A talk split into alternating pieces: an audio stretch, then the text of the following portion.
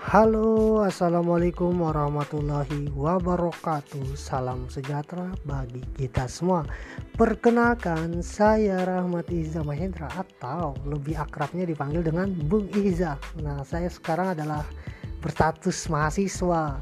Nah, jadi di sini saya ingin membuka ruang, membuka tempat bagi seluruh teman-teman yang ingin berbagi pengalaman, berbagi pikiran, berbagi kisah atau berbagi sudut pandang mengenai suatu hal atau suatu masalah, isu-isu penting yang ada di negeri kita. Karena kenapa? Tujuannya nanti untuk memunculkan atau menyelesaikan masalah lewat dari berbagai sudut pandang. Semakin banyak sudut pandang, maka akan semakin bagus dalam penyelesaian masalah.